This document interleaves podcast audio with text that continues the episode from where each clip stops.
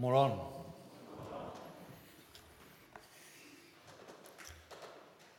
Ni kanske redan vet det, men det är alltid lika vackert, eller hur Conny, att stå upp och se ut över dig och alla andra. En vacker syn. Hörrni, eh, det som vi ska dela idag en stund det är vad du ser på den här rubriken. Att höra Guds röst. Inledningssången vi hade som talade om att ordet är att vi har ett heligt vapen. Det som ehm, jag har fått på mitt hjärta inför den här söndagen ehm, eh, jag ber Gud verkligen att det ska få eh, landa bra i mig själv och i dig när vi hör det här. Eh, så att ehm, lyssna med så öppet sinne du kan, för jag tror att Gud har någonting han vill säga till oss. Om vi skulle samtala lite med varandra och säga hur, hur är det och vilken erfarenhet har du att säga att, att, att du har hört Guds röst så skulle vi säkert få lite olika svar. Någon kan säga att jag hör Gud, han talar hela tiden. Ja. Någon annan säger att jag vet inte riktigt vad du pratar om. Jag, jag, jag kan inte säga att jag hör Guds röst. Eh, jag frågar mycket och jag söker efter den, men jag hör inte. Och Det ska vi stanna upp för en stund. Hur är det att höra Guds röst?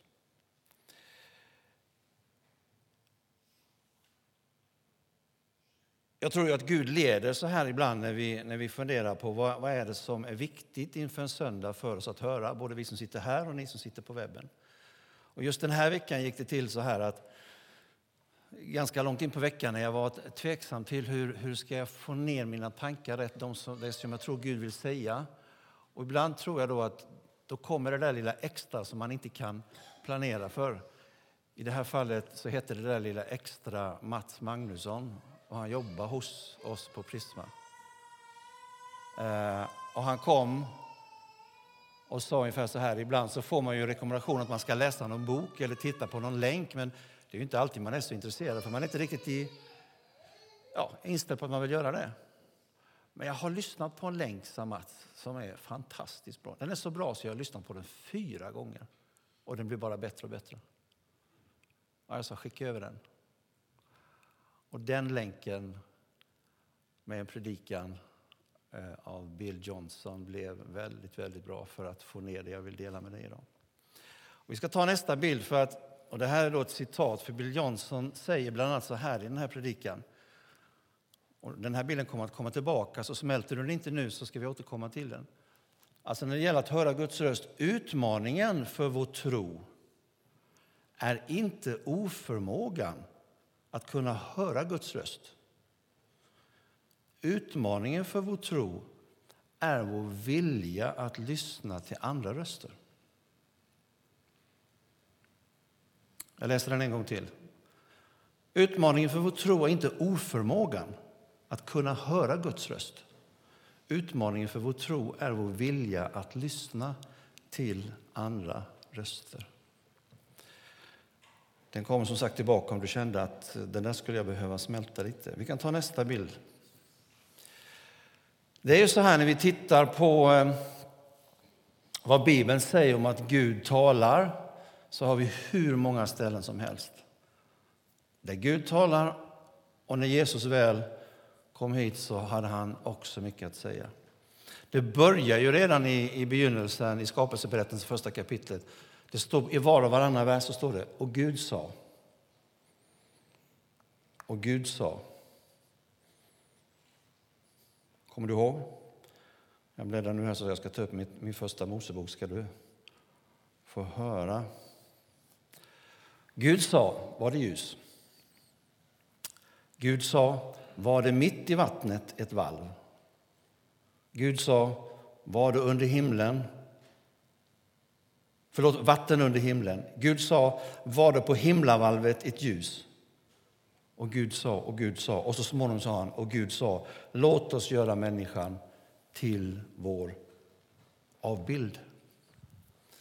Bibeln börjar med så mycket där just vi ser att Gud sa. Gud talar, det finns ett ord, alltså Guds röst är igång. Jag skriver som tredje punkt att om du och jag står och talar med varandra skulle jag kunna göra det här lite mer eh, familjärt, hur det kan vara hemma i Bråbacka, så skulle ju Gunilla absolut hålla med. Eh, därför att när Gunilla talar till mig så ibland så, eh, och jag vet att jag ser redan att en del karlar ler, så kan det vara så här, hörde du vad jag sa? Ja, ja, ja. ja. Okej, okay, vad sa jag då? Och då blir det ett väldigt konstigt svar. Ja, du hörde inte vad jag sa. Du, du satt och tittade i, eller vad vi nu gjorde. Känner igen er? En del nickar, en del bekänner. Och det är ju så, när någon lyssnar så vill vi ju ha din, jag vill ju ha din uppmärksamhet. Hör!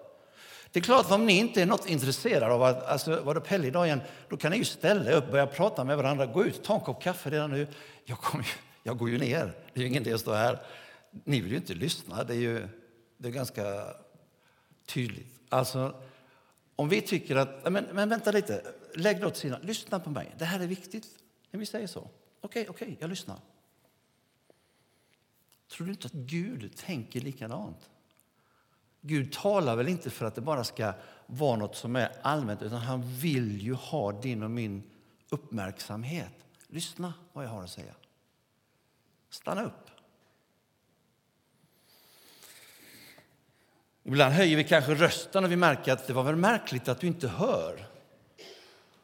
Säkert har en annan förälder eh, känt att ja, ibland ökar jag decibelen när jag tycker att ungarna är lite för jobbiga. Det är inte alltid säkert att det hjälper. Det står på ett ställe i Lukas 8, det står så här att Jesus ropade Hör du som har öron att höra med. Där sa han inte det. Det står i Lukas 8. Han ropade. Och vi ska återkomma till Lukas 8 så du ska få se i vilket sammanhang. Mm. Vi kan byta bild. Det här med Guds ord då, och i så fall att höra Gud eller tycka att det var svårt att höra Gud tala. Johannesevangeliet börjar på det här viset, den första punkten. I begynnelsen var Ordet och Ordet var Gud, var hos Gud och Ordet var Gud. Så börjar Johannes sitt evangelium. Och du ser att det är en stor bokstav, det är det tror jag alla bibelöversättningar. Alltså ordet här är ett egennamn. Och lite längre ner i sitt första kapitel så fortsätter Johannes. Och ordet blev kött. Och i den gamla översättningen och tog sin boning ibland oss. Och i någon översättning står det och bodde hos oss. Och det är en helt annan predikan. Detta att Jesus, Gud väljer att inkarnera, Gud blir människa, Jesus blir kött och blod som du och jag. Och här är också en annan predikan detta att det betyder att vet han hur det är? Absolut. Han har vuxit upp. Han har varit med. Men det är ordet, säger Johannes när han predikar. Alltså Jesus i det här fallet är lika med ordet. Vi byter bild. Vi ska gå tillbaka till Lukas 8 och där är just berättelsen om såningsmannen. Och jag vet att många av er skulle nästan kunna åtminstone berätta den utan till. Men vi ska läsa den ändå, för att eh, det kan ju vara någon som säger att jag kommer inte exakt ihåg vad var det den handlar om. Så jag ska gå till Lukas. Det är många böcker här i Bibeln. Vi kommer strax till Lukas 8.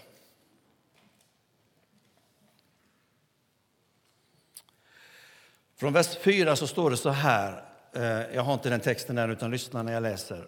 Det är alltså Jesus som står med folk framför sig och det är alltså Jesu röst nu som hörs.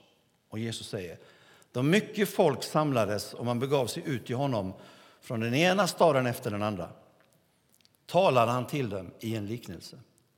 En såningsman gick ut för att så sitt utsäde. Och när han sådde föll en del vid vägen och trampades ner och himlens fåglar åt upp det. En del föll på stenig mark och när det hade kommit upp torkade det bort eftersom det inte hade någon fuktighet. En del föll bland tistlar och tistlarna växte upp samtidigt och kvävde det. Men en del föll i god jord och växte upp och gav hundrafalt. Och nu kommer det. När han hade sagt detta ropade han Hör, du som har öron att höra med.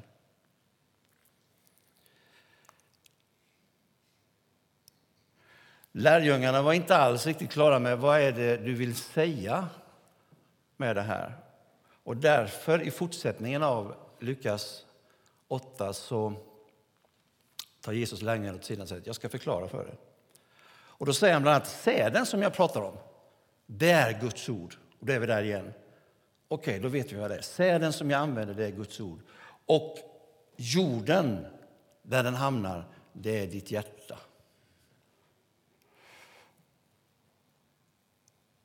Så det ska vi ha med oss. Guds ord är utsädet och jorden det är vårt hjärta. Där hamnar det. Och nu ska jag bara välja en vers, nämligen nummer 14 i Lukas 8 för att se vad är det som händer när ordet hamnar i jorden. Vad kan hända? Och vi kan byta bild. Det här är vers 14. Och det står så här. Det som föll, nu har jag en annan översättning. Det som föll bland tistlar, eller törnen står det på något ställe, är, den, är de som hör ordet men som mer och mer kvävs av bekymmer, rikedom, njutningslystnad och aldrig bär mogen frukt. Den andra punkten, den annan översättning, då står det så här. Det är de som låter det kvävas av livets bekymmer. Rikedomar, plikter och nöjen. Därför växer det inte till.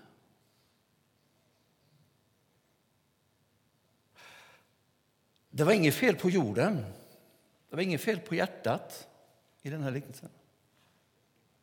Det fanns förutsättningar. Det var inget fel på utsädet, alltså Guds eget ord. Men i jorden fanns redan också andra frön som gjorde att det hade växt upp. I det här fallet var det törnen. Så säden som såddes hade egentligen alla möjligheter till att göra och bli det som var tanken. Full av kraft, men törnen tog över och kvävde så att den tänkta växten kom aldrig att ge den frukten skulle. För Jesus säger just det, om ni ser, törnen, det låter det kvävas. Av vad då? Livets bekymmer, rikedomar, plikter och nöjen. Därför växer det inte till.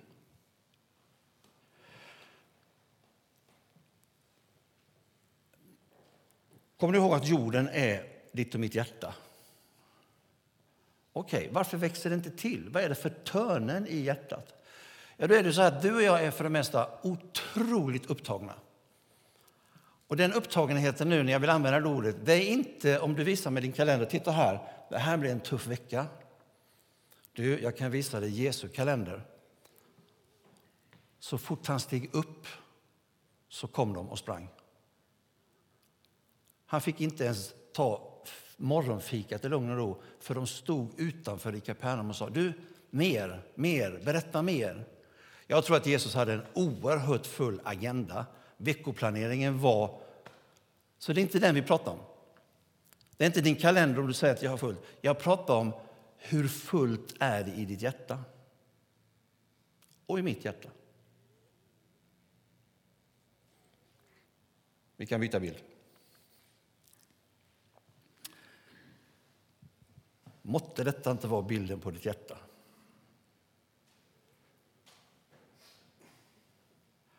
Alltså att ha det upptaget. Det är fullt redan. Upptaget av alla möjliga saker i hjärtat. Och Jesus räknar upp en del saker här. Han säger att det kvävdes genom att det var upptaget av livets bekymmer. Upptaget av sånt som vi har omkring oss hela tiden. Och förutom livets bekymmer så säger Jesus det var upptaget av rikedomar, plikter och nöjen. Och då kan vi titta på de orden lite extra så tänker vi jaha, så nu får man passa sig för pengar. Det var inte det jag förstår att Jesus ville säga. Och man får passa sig för plikter. Absolut inte. Eller nöjen. Nej då, om du, för att vi inte ska få en fel bild på det här tror jag, för Jesus räknar upp, så kan vi säga att om vi tar det här med rikedomar,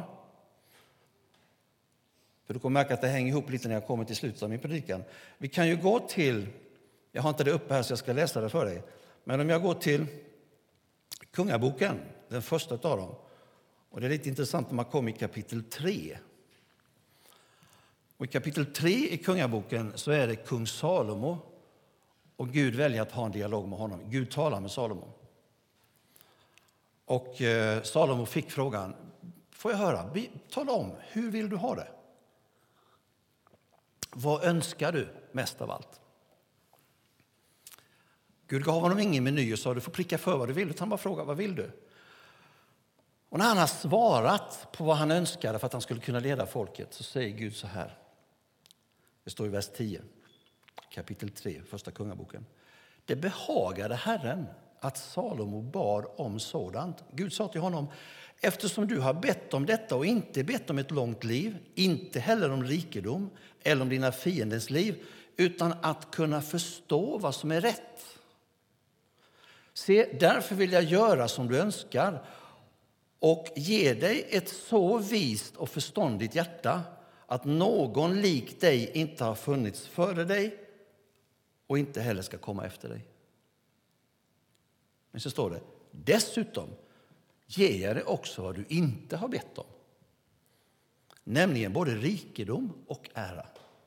Så att alla dina dagar ska ingen kung vara i ditt like. Om du går på mina vägar och håller fast vid mina stadgar och bud, så som din fader David gjorde, då ska det ge dig ett långt liv. Alltså, när vi funderar på vad är det som gör oss upptagna så skulle jag bara vilja säga, ha inte felaktig bild när Jesus säger livets bekymmer, rikedom, plikten, nöjen. Han räknar upp det här. Alltså du tänker att jag, jag vet ju vad som är mitt största nöje, absolut. Få gå i skogen och plocka svamp. Så underbart. Var välsignad. Njut av ditt nöje. Eller... Och då gick mina ögon till dig, Patrik. Där det blev, jag njuter av om jag får ta bilen tidigt en morgon och åka ner till Söderåsen och bara ha kameran med mig. Ingen annan. Jag, kameran och Guds natur. Det är ett sant nöje. Eller hur, Patrik? Njut av ditt nöje. Det är inte det Jesus försöker säga. Eller vad det nu är. Tänk när jag får ta mina händer och stå i snickarverkstaden en hel lördag och bara, eller konstnär, vad du nu är. Absolut, Gud älskar nöjen, så det är inte det han försöker säga. Plikter då? Ja, jag, jag känner att jag har, jag, jag vill verkligen varje vecka besöka de som är sjuka och lite avsidestagna. Ja, det, är nog en, det är nog en plikt jag har, ett, ett ansvar. Var välsignad i din plikt. Absolut. Ja, det är så att jag sköter ekonomin, säger någon i den här idrottsklubben. Och, och, jag tycker det här är roligt, för jag har alltid varit med och brinner för den här idrottsklubben. Men det tar mycket tid för att få ordning på det här. Var välsignad, sköt din plikt. Absolut. Men grejen är, det Jesus säger, att bekymmer, plikter, nöjen det kvävde säden. Det är vad det står. Ska vi byta bild och ta vad Bill Johnson sa en gång till? Utmaningen för vår tro är inte oförmågan att höra Guds röst. Utmaningen för vår tro är vår vilja att lyssna till andra röster. Den här säden som då landar lite i mitt hjärta, det Gud vill säga, Guds röst, Guds ord. Att kunna säga, det är viktigt Herre. Jag vill inte missa det i allt som är. Vi kan byta bild. Det här sädeskornen som, som eh, såningsmannen hade, och det här, eh, nu ska jag inte fördjupa mig för mycket för ni som kan agriculture och bondelivet, ni är bättre än jag, men jag, kan, jag vet i alla fall att det där sädeskornet som bonden säger, det här ska vi använda nu till hösten eller till våren, det har ett alldeles eget DNA. Det har full kraft och när det kommer i jorden så sker ett mirakel. Guds utsäde, Guds ord, enligt Lukas 8 nu, den här liknelsen. Samma sak, Gud har en fantastisk kraft, ett DNA i det här. Och när det kommer i jorden, vad händer då? Det kommer upp en ny planta. Det växer upp ett nytt, nytt träd. Någonting tar form och det ger en god skörd. Och det stod ju så här att det som hamnade i den goda jorden, sista punkten, utsädet i den goda jorden växte upp och gav hundra gånger större skörd än vad man hade sått. Så det som var i handen som såddes ut, skörden var hundra gånger större. Det här är bondens vardag, eller hur? Och när vi nu tänker på att Gud säger att jag vill så mitt ord i ditt hjärta, Pelle, i ert hjärta. Och om det får gro och ta fart, då kommer en frukt som är hundra gånger större. I den gamla översättningen står det att det kan bli 30-falt, 60-falt, hundrafalt. Men det finns någonting i Guds DNA, i Guds ord, som har en sprängkraft.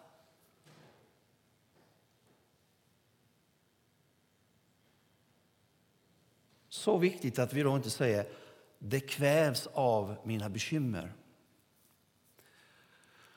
Har Gud inte förståelse för bekymmer? Prövningar? Det är en helt annan predikan också, men, men titta hur Jakob börjar sitt brev i Nya Testamentet. Han säger, glada ni om ni har prövningar och bekymmer. Det är bra. Men då har han en annan vinkling, för det här kommer stärka ett tålamod och ett sätt att hänga i. Eller Lukas 18 om änkan som i liknelsen bara knackade på till domaren valde att öppna. Och vad är det Jesus börjar med säga? Nu ska ni få en liknelse för att ni inte ska ge upp när ni ber. Och jag vet av er som sitter här att en del av er och kanske redan har, jag har en bön, det verkar aldrig som Gud lyssnar. Det är ett bekymmer, jag bär det här. Absolut, livet är fullt av bekymmer. Men det Jesus säger i Lukas 8, låt inte bekymren kväva Guds DNA, den kraften Gud vill ska få verka i dig och mig. Vi kan ta nästa bild. Alltså större skörd än vad du har sått. Nu är det dags för kniven.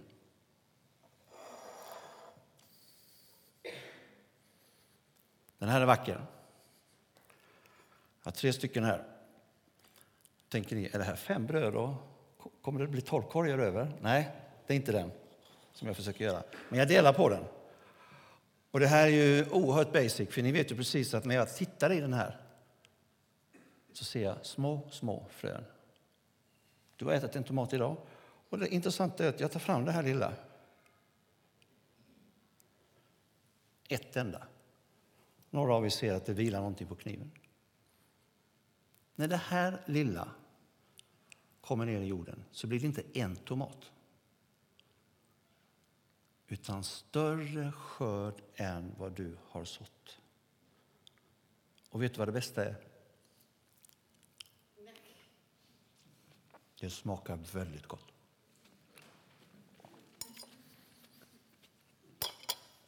Så nu har jag halva lunchen här. Hörrni, jag gör en liten summering. Var lugn, jag har koll på klockan. Det här lilla fröet ger alltså många tomater. Och nu känns det, ja men vi, vi har förstått. Mm. Och Gud säger, mitt ord det är som ett frö, det är utsäde. Så vi summerar lite. Säden finns där, absolut. Säden som har Guds DNA med sprängkraft, absolut. Och syftet med säden det är att just skörden ska bli stor. Absolut. Det är vad jag ser att Gud säger. Och säden är Guds ord. Och han vill att det ska landa i vårt hjärta utan att kvävas. Utan att det får bli det Gud har tänkt. Ge en planta, ge ett träd, växa upp, ge stor frukt. Så om du nu känner att den där skylten med toalettdörren som du hade Pelle med upptaget, det är lite jag. Så be Gud att, nej men herre, jag vill låsa upp. Jag vill inte ha, jag vill inte ha en röd skylt på mitt hjärta. Upptaget av så mycket.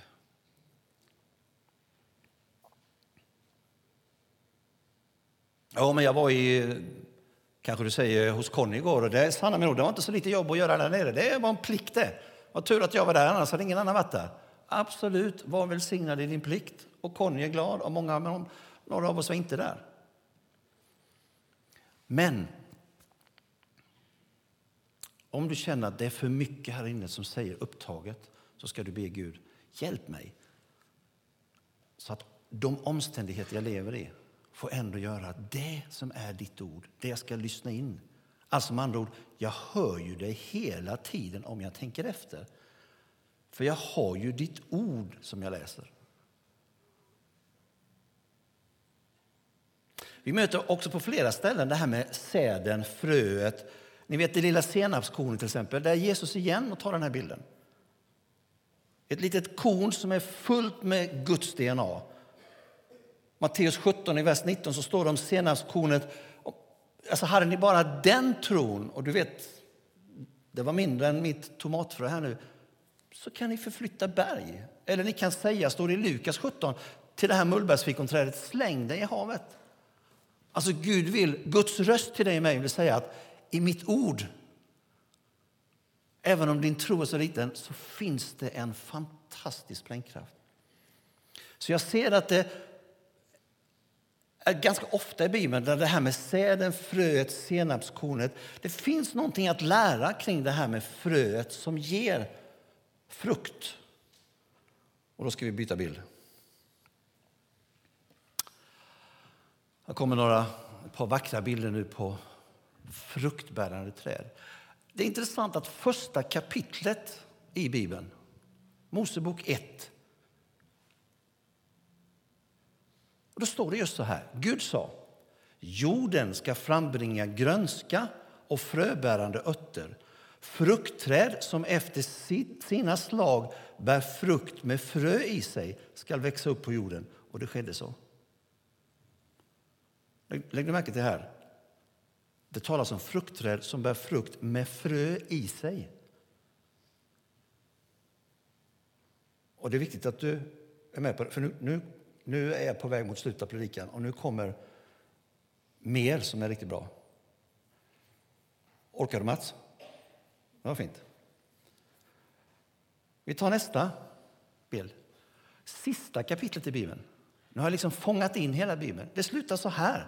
Mitt på stadens gata, Uppenbarelseboken 22. På båda sidor floden står livets träd som bär frukt tolv gånger. Varje månad bär det frukt och trädets blad ger läkdom åt folket. Det är intressant att se hur Bibeln både börjar och slutar med att tala om träd som ger frukt. Frö, fröbärande fruktträd. Jag hittade det på flera ställen. Alltså Gud vill säga oss någonting om det här med fröet, utsädet och hur vi ska hantera det. Vi byter bild. Och här är en liten detalj som inte har varit levande i mitt hjärta så länge. Och nu får du ta det för att, att det är min utläggning. Ni vet att det står att när du hör ordet predikas, Guds ord kommer genom att det blir predikat, det är det jag gör idag. Men det gäller bara inte att, att svälja som en hungrig frisk, utan det är ju din uppgift också att, eh, men stämmer det verkligen? Det skulle jag vilja kolla upp. Det här skulle jag vilja prata med en kollega om. Hur fick Pelle ihop det här? Är ni med? Så vi har skyldighet att, att, att tänka till. Men det står så här i Första Mosebok. Jag ska läsa den texten. Och här ser ni att jag har valt absolut rätt bild. Jag vågar inte säga om det är Gunillas surdegs... Det är surdeg varenda dag hemma. Visst är det? Varenda dag. Det är någon sån där burk som aldrig tar slut. Hon fick den av Annika Eklund. Det var någon, 13 år hade den här surdegs och hon bara fyller på med någonting och så kommer det nya. Det är fantastiskt. Och ändå är jag så glad, fast vi äter surdeg varje dag. Hörrni, det står så här i alla fall. Tillbaka till ordet, första Mosebok. Och lägg nu märke till att nu har vi pratat om att, att Gud, när Gud sa så pratade han just om de fröbärande, om fruktträden. Och då står det så här, och Gud sa, se, jag ger er alla, nu kommer det igen, fröbärande örter på hela jorden och alla träd med frukt som har frö. Detta ska ni ha till föda. Tydligt. Men åt alla djur på jorden, åt alla fåglar under himlen, åt alla som krälar på jorden, åt allt som har liv ger jag alla gröna örter till föda. Och det skedde så. Det här är taget rakt ut ur Första Mosebok. Lade du märke till en skillnad här i Guds skapelse? Någon viss ordning som Gud hade tänkt. Vi människor ska få föda, absolut, men det hade med fröbärande frukter att göra. Medan djuren ska äta gröna örter, ingenting med frö att göra. Gud markerar på något sätt en skillnad här mellan den vanliga grönskan och just det fröbärande. Och nu möter vi det här igen, fröet. Och nu, det jag avslutar med är vad jag tror är viktigt för oss. Inte bara här i kyrkan, utan jag tror i vårt liv när vi säger att Gud, jag vill inte ha upptaget på skylten i mitt hjärta. Och då byter vi bild. En del av er kommer ihåg att jag har haft den här meningen i min förra predikan. Vad har du i din hand? Om någon kommer ihåg så kan ni nicka. Många nickar. Vad bra. Vad har du i din hand? Det var frågan som Gud ställde till Mose. Det finns fler ställen där, där den här frågan dyker upp. Och det jag nämnde förra gången när, när Mose fick frågan och tittade, ja, min stav. Och vi kom fram då till att det här var Moses inflytande i det arbete han hade, staven. Det var hans identitet. Vi hade tre stycken i, om ni kommer ihåg. Inflytande, identitet. Och det sista var, vad då? Om någon kommer ihåg det, så säg det. Sista i var inflytande, identitet och det var hans inkomst. Eller hur? Mose levde på det som staven hjälpte till med. Och Det här gäller för dig och mig. Den där handen råkar vara min, för jag har fotat av den. Eh, och jag får frågan av Gud, Pelle, vad har du i din hand? Och jag får svara på vad som är min identitet, mitt inflytande, min inkomst. Och Gud förväntar sig att jag ska förvalta det han har gett mig på bästa sätt. Och nu byter vi bild. Men det är ju så här. Här ser ni säd längst ner till höger när det är dags att skörda, den stora bilden, och brödkakan. Och bonden han såg ut, han vet att det här kommer ge god skörd. Av skörden så kommer han naturligtvis veta att det kommer bakas bröd, men han vill även spara säd som ska vara till kommande utsäden. Nya skördar. Om jag nu säger att det, det du jag har i vår hand är bland annat det som ger oss vår inkomst, så här är nu min, min, mitt råd, och nu knyter jag an lite till min förra predikan. Av det som är din inkomst, ät inte upp alltihop. Allt ska inte bli bröd. Allt ska inte konsumeras. Det är ingen tveksamhet på att bröd är viktigt, kläder, mat, alltså det som gör att livet ska fungera bra. Jesus har all förståelse för det. I Fader vår så läser vi ju att Jesus säger ge oss idag vårt dagliga bröd. Absolut. Men det finns en stor skillnad mellan dig och mig. Det är nämligen att när jag sätter fram, nu är det inte oftast jag utan Gunilla eller Robin, sätter fram de där två hundskalarna till Alice och Tindra, alltså våra hundar. De står inte där och tittar först och snackar lite med varandra. Du, kommer du äta upp alltihop eller ska vi, vi kanske lägga undan en bit för att det kan vara bra att ha lite senare eftermiddag om vi blir lite ensamma. Inte alls. Slafs. och sätter de upp alltihop. Allt som sätts fram konsumeras. Och här är en skillnad, tror jag, mellan örter, för djuren, de äter. Och när Gud säger nej, ni har fröbärande, det ska ge föda, absolut. Och med föda, mat, kläder, boende, allt vad vi räknar upp. Men använd en del av fröet för att så vidare. Gud vill alltså lära dig och mig att inte konsumera allt så som djuren gör. Han vill visa oss att vi ska sätta undan säd. Och då kan jag byta ut säd då, din inkomst, det du får in varje månad, pensionen, inkomsten, vad du nu får.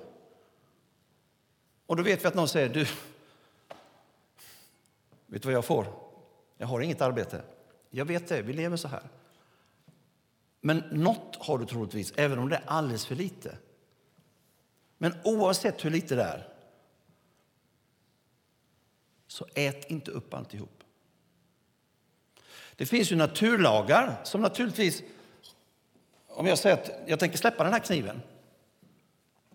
Nu ska ni få räcka upp handen. Jag behöver inte göra nu, men om jag skulle gjort det. De som tror att den kommer flyga upp och sätta sig i taket, räck upp en hand. Och de som tror att de kommer falla rakt ner och lägga sig på golvet, räck upp en hand. Jag vet att jag skulle få alla händer på det sista. Självklart. Varför då? Därför att det är en naturlag. Den faller. Som jag läste min bibel, nu sa jag det som jag läste min bibel, därför får du själv begrunda, så ser jag att Gud har andliga lagar och principer. Och de vill han lära oss, det är Guds ord. Och en av de andliga principerna är, låt inte all din inkomst bli konsumtion. Ät inte upp allt du tjänar. Pratar du om att vi ska spara lite? eller? Absolut. Om du inte vet hur du ska hantera för att det kanske kommer. Absolut. Det är inte bara Lyxfällan på TV3 som ska hålla beslag på det. Vi borde lära oss absolut att hantera. Men det jag skulle vilja säga nu, som jag tror är viktigt för dig och mig och det vi står i vår församling, det är nämligen att ät inte upp allt, utan sätt av det som Bibeln säger, ditt tionde åtminstone, för Guds rike. Sätt av det. Gör en investering, så in i Guds rike, så ska du få se på härlig skörd. Och nu kommer jag att sluta genom att nu ska vi läsa några bibelställen bara, rätt upp och ner.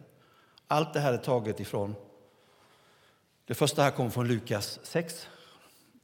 Och nu kommer jag inte kommentera bilderna så mycket, utan nu ska jag bara låta det, få, låta det här få sjunka in. Där står det så här, nu är det Guds ord. Nu är det, nu är det inte Pelles utläggning, Guds ord. Ge och ni ska få. Ett gott mått, packat, skakat och rågat skall Gud ge er i famnen. Ty med det mått som ni mäter, som ni mäter med, skall det mätas uppåt er. Vi byter bild. Andra Korinthierbrevet 9. Det är Paulus som säger. Det säger jag. Den som sår sparsamt ska skörda sparsamt. Och den som sår rikligt ska skörda rikligt. Var och en må ge vad han har beslutat för i sitt hjärta, inte med olust eller av tvång. Ty Gud älskar en glad, älskar en glad givare. Alltså här utlovas en riklig skörd. En riklig sådd kommer att ge en riklig skörd. Var och en. Det var inte det att ordförande Patrik säger nu ålägger jag oss alla. Eller hur? Utan Bibeln säger var och en. Du och jag får fundera. Och vi må ge av det vi har beslutat i vårt hjärta. Om det är änkans skärv och då kan du den berättelsen så säger Jesus, det där var mycket. Eller om det är en riktigt stor peng, så säger det där var också mycket.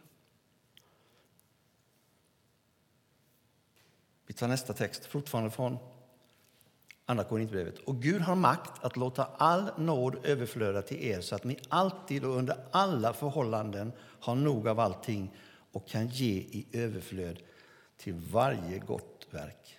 Guds andliga lagar och principer. Alltid och under alla förhållanden.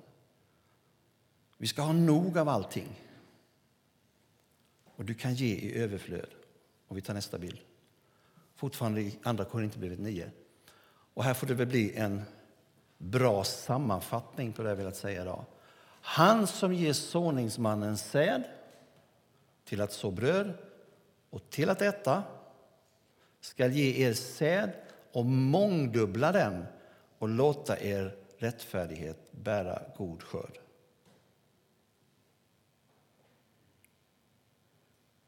Andra Korinthierbrevet 9.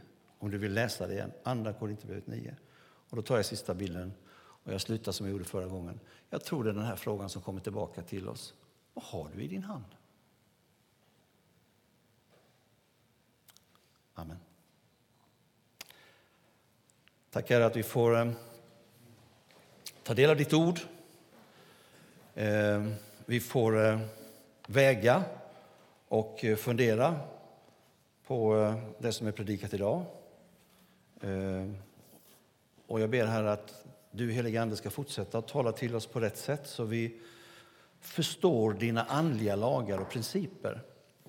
Att vi här kan få eh, vara klara över att du har tänkt riktigt gott, att det finns ett kraftfullt himmelskt DNA i det som är ditt ord. Och det ordet ber jag, Herre, att vi alla ska få känna att det fyller vårt hjärta.